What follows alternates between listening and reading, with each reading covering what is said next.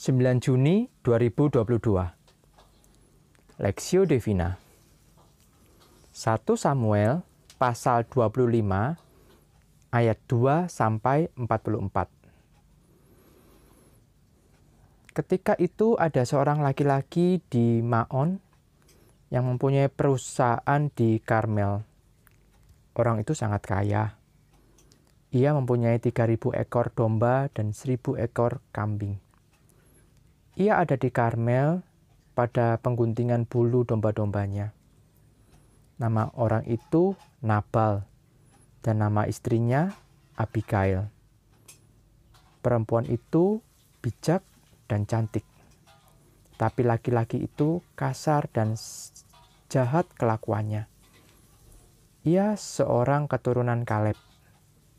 Ketika didengar Daud di padang gurung bahwa Nabal sedang mengunting bulu domba-dombanya, maka Daud menyuruh sepuluh orang dan kepada orang-orang itu Daud berkata, Pergilah ke Karmel dan temuilah Nabal. Tanyakanlah keselamatannya atas namaku. Dan sampaikanlah salam ini kepadanya.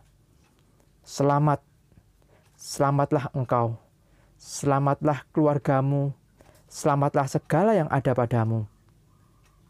Baru-baru ini Aku mendengar bahwa engkau mengadakan penguntian bulu domba.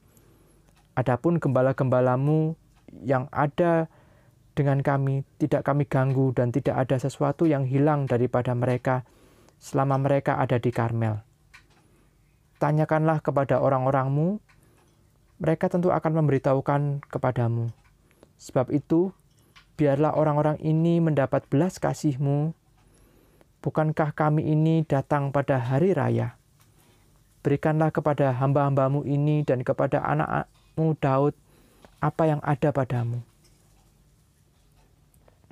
Ketika orang-orang Daud sampai ke sana, berkatalah mereka kepada Nabal atas nama Daud, tepat seperti yang dikatakan kepada mereka.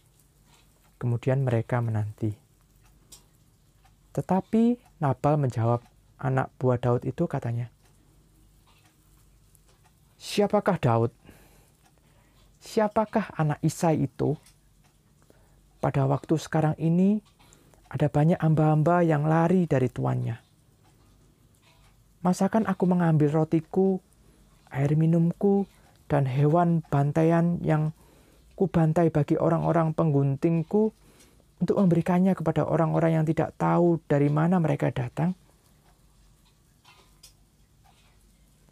Lalu orang-orang Daud itu berbalik pulang dan setelah sampai mereka memberitahukan kepadanya tepat seperti yang dikatakan kepada mereka.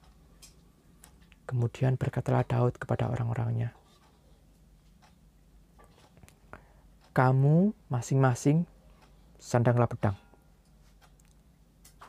Lalu mereka masing-masing menyandang pedangnya.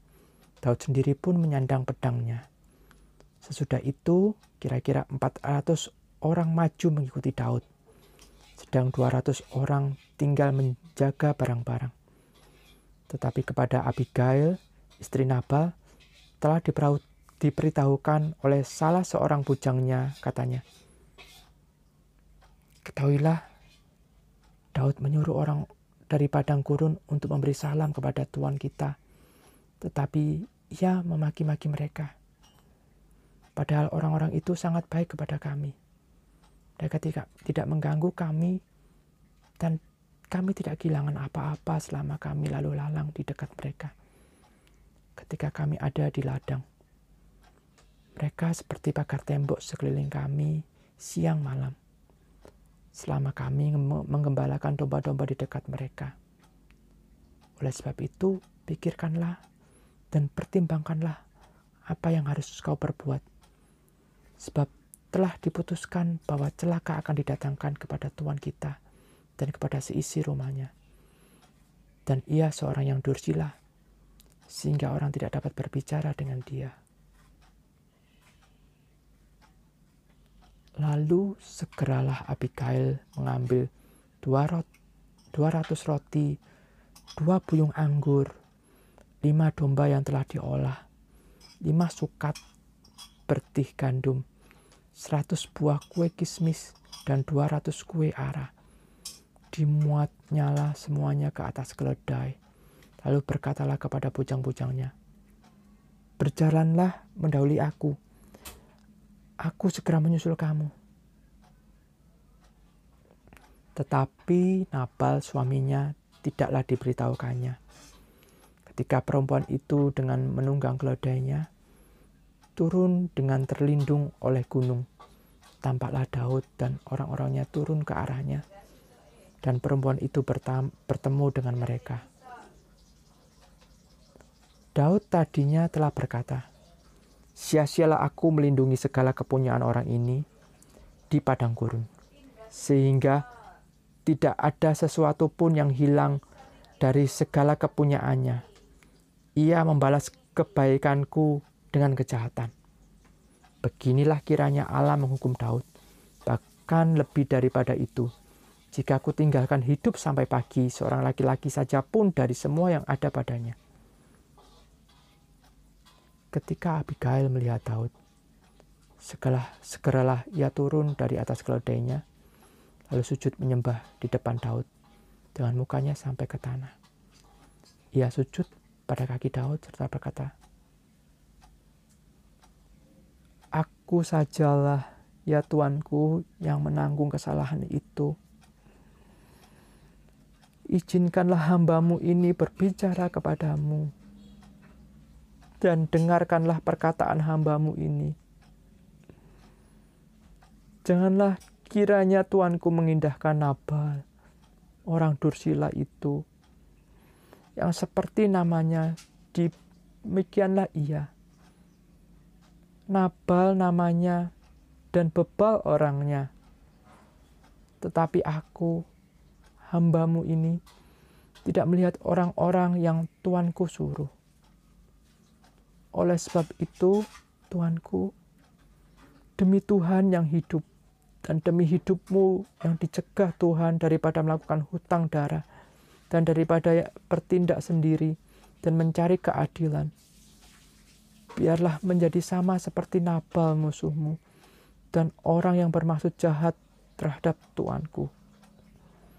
Oleh sebab itu, pemberian yang dibawa kepada tuanku oleh budakmu ini, biarlah diberikan kepada orang-orang yang mengikuti tuanku. Ampunilah kiranya kecerobohan hambamu ini, sebab pastilah Tuhan akan membangun bagi tuanku keturunan yang teguh karena tuanku ini melakukan perang Tuhan. Dan tidak ada yang jahat terhadap terdapat padamu selama hidupmu.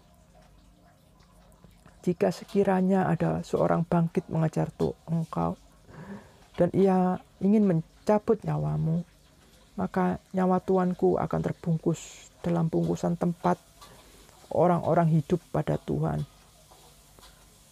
Allahmu tetapi nyawa para musuhmu akan diumbankannya dan dari dalam selang umban. Apabila Tuhan melakukan kepada Tuanku sesuai dengan segala kebaikan yang difirmankannya kepadamu dan menunjuk engkau menjadi raja atas Israel. Maka tak usahlah Tuanku bersusah hati dan menyesal karena menumpahkan darah tanpa alasan dan karena Tuanku bertindak sendiri dalam mencari keadilan.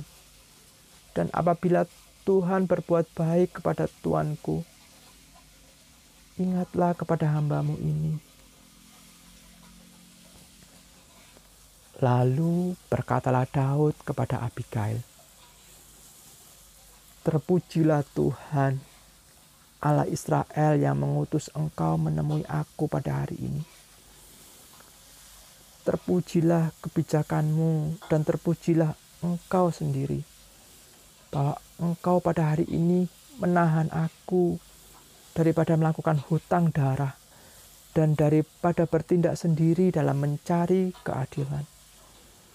Tetapi demi Tuhan, Allah Israel yang hidup, yang mencegah aku dari berbuat jahat kepadamu. Jika engkau tadinya tidak segera datang menemui aku, pasti tidak akan ada seorang laki-laki pun tinggal hidup pada Nabal sampai fajar menyingsing. Lalu Daud menerima dari perempuan itu apa yang dibawanya untuk dia dan berkata kepadanya, "Pulanglah dengan selamat ke rumahmu. Lihatlah, aku mendengarkan perkataanmu dan menerima permintaanmu dengan baik. Sampailah Abigail kepada Nabal dan tampaklah Nabal mengadakan perjamuan di rumahnya, seperti perjamuan raja-raja. Nabal riang gembira dan mabuk sekali. Sebab itu tidaklah diceritakan perempuan itu sepatah kata pun kepadanya sampai fajar menyingsing. Tetapi pada waktu pagi ketika sudah hilang mabuk Nabal itu, diceritakanlah kepadanya oleh Ostra, oleh istrinya segala perkara itu. Lalu terhentilah jantungnya dalam dada dan ia membatu. Dan kira-kira sepuluh hari sesudah itu, Tuhan memukul Nabal sehingga ia mati. Ketika didengar Daud bahwa Nabal telah mati, berkatalah ia, Terpujilah Tuhan yang membela aku dalam perkara penghinaan Nabal terhadap aku dan yang mencegah hambanya daripada berbuat jahat. Tuhan telah membalikan kejahatan Nabal ke atas kepalanya sendiri. Kemudian Daud kemudian Daud menyuruh orang untuk berbicara kepada dengan Abigail tentang mengambil dia menjadi istrinya para hamba Daud datang kepada Abigail di Karmel dan berkata kepadanya demikian. Daud menyuruh kami kepadamu untuk mengambil engkau menjadi istrinya. Lalu bangkitlah perempuan itu berdiri, sujudlah ia menyembah dengan mukanya ke tanah sambil berkata, Sesungguhnya hambamu ini ingin menjadi budak dan membasuh kaki para hamba tuanku itu. Kemudian berkemaslah Abigail dengan segera ia menunggang keledainya dengan diiringi lima orang pelayan perempuan. Ia mengikuti suruhan Daud itu dan menjadi istri Daud. Juga Ahinom dari Yisrael telah diambil Daud menjadi istrinya kedua perempuan itu menjadi istrinya. Tetapi Saul telah memberikan Mikal, anaknya perempuan, istri Daud, kepada Palti bin Lais yang dari Galim itu.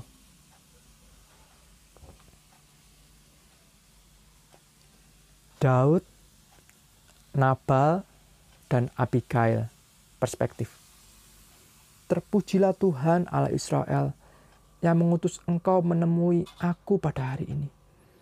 Terpujilah kebijakanmu bahwa engkau pada hari ini menahan aku dari pada melakukan hutang darah dan daripada bertindak sendiri dalam mencari keadilan. 1 Samuel 25 ayat 32 sampai 33.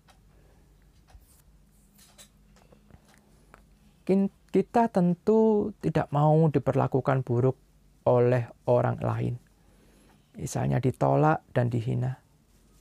Terlebih jika kita sudah melakukan hal yang baik terlebih dahulu.